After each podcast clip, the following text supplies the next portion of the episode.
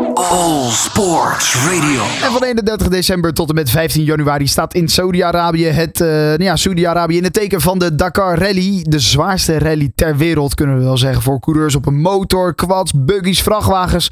Alles. Uh, en ze leggen daar uh, vrij lange afstanden af in een bloedhete woestijn. En ik praat over deze Dakar met Robert Baarda. Robert, een hele goede middag. Goedemiddag, Daan. Ja, jij bent uh, fan van Dakar, fan van de vrachtwagens. Volg dat uh, nou ja, op de voet. Uh, leuk dat we eventjes met je kunnen bellen over deze Dakar. Want inmiddels zijn er al acht etappes. zitten er al op en zijn ze ongeveer halverwege. Ja, het is nu vandaag een rustdag. Dus ik heb ook even wat rust. Dus dan is het prima om er even over te praten met jullie, hè? Daarom, daarom. Wat, wat is het voor een Dakar tot nu toe? De eerste helft zit erop. Wat, nou ja... Um, een, uh, een enerverende Dakar. Uh, wat je tot nu toe hoort van de deelnemers is dat het een, uh, een zware Dakar is. veel afwisseling. We hebben al veel zien gebeuren. Ook met de Nederlandse deelnemers. En nou ja, mijn, mijn specialiteit ligt helemaal bij de vrachtwagens. En, en daar is het super interessant nu de Russen niet aanwezig zijn. Want het was een beetje saai de afgelopen jaren. Ja. Dan was dat altijd het Russische Kamaz 1, 2, 3 en 4. Ja. En die zijn er nu niet uh, om uh, welbekende redenen. Zeker, dus dat maakt het een stuk spannender daar in ieder geval. Met ook weer uh, kansen voor de Nederlanders.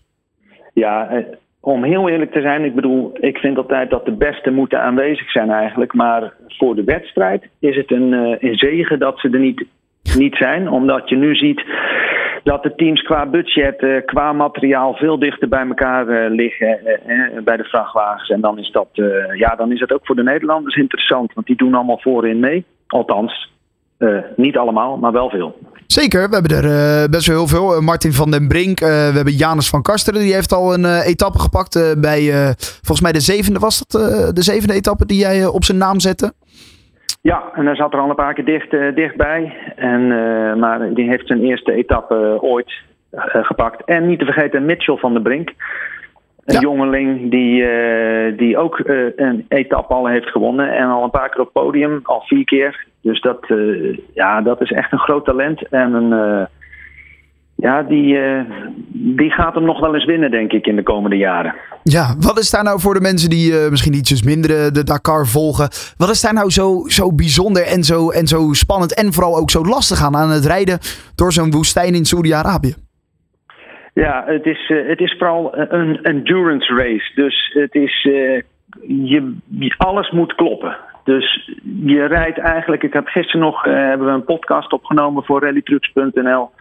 En uh, daar spraken we met oud-winnaar Hans. Ja. En die zei ook, het is zo'n dun lijntje. Alles moet goed kloppen. Het is het spel tussen uh, navigator, want dat is moeilijk. Het wordt niet even aangegeven, oh, uh, hier moet je linksaf en er staat een mannetje met een vlaggetje te zwaaien. Nee, je moet het zelf op, op navigatiepunten moet je het zien te vinden. de techniek moet kloppen ja, het is het hele spelletje. En, en uh, in een waanzinnig wijdse gebied waar je rijdt. En afstanden afgelopen week van uh, rond de 400 kilometer special proof. Dus dat gaat over stenen paden, over zandduinen. Ja, het is, het is een en al avontuur. Ja, oorspronkelijk was het natuurlijk altijd Parijs-Dakar. Uh, nou, daar zijn ze al een aantal jaren vanaf gestapt. het is in Zuid-Amerika geweest. Volgens mij nu voor het eerst in Saoedi-Arabië. Nee, dit is nu het uh, vierde jaar dat het uh, in Saudi-Arabië oh, het vierde jaar hier al, oh, oké. Okay. Qua terrein is, het, uh, is de rally daar goed thuis. ja, het land zelf weet ik niet helemaal of dat nou oké okay is. Maar ja, dat is in sport wel meer een probleem. Ja, Die zeker. WK voetbal. Hè? Ja, ja, zeker. Maar, maar het terrein, dat is in ieder geval een mooi en uitdagend terrein voor, voor, voor, de, voor de coureurs. Ja, wie, wie de beelden ziet, die, ja, dan, ik vind het echt indrukwekkend als je ziet door welke landschappen dat ze rijden. En uh, in tegenstelling tot Zuid-Amerika, waar de, rally 10 jaar naartoe is verhuisd. Uh, daar waren de paden een beetje WRC-achtig en, en was het beperkt qua mogelijkheden. Qua woestijngebieden bijvoorbeeld. En uh, ja, in Saudi-Arabië is het één grote zandbak. En helemaal voor de komende week, dan gaan ze het befaamde Empty Quarter in. Dat is een gebied waar eigenlijk niks is dan zand.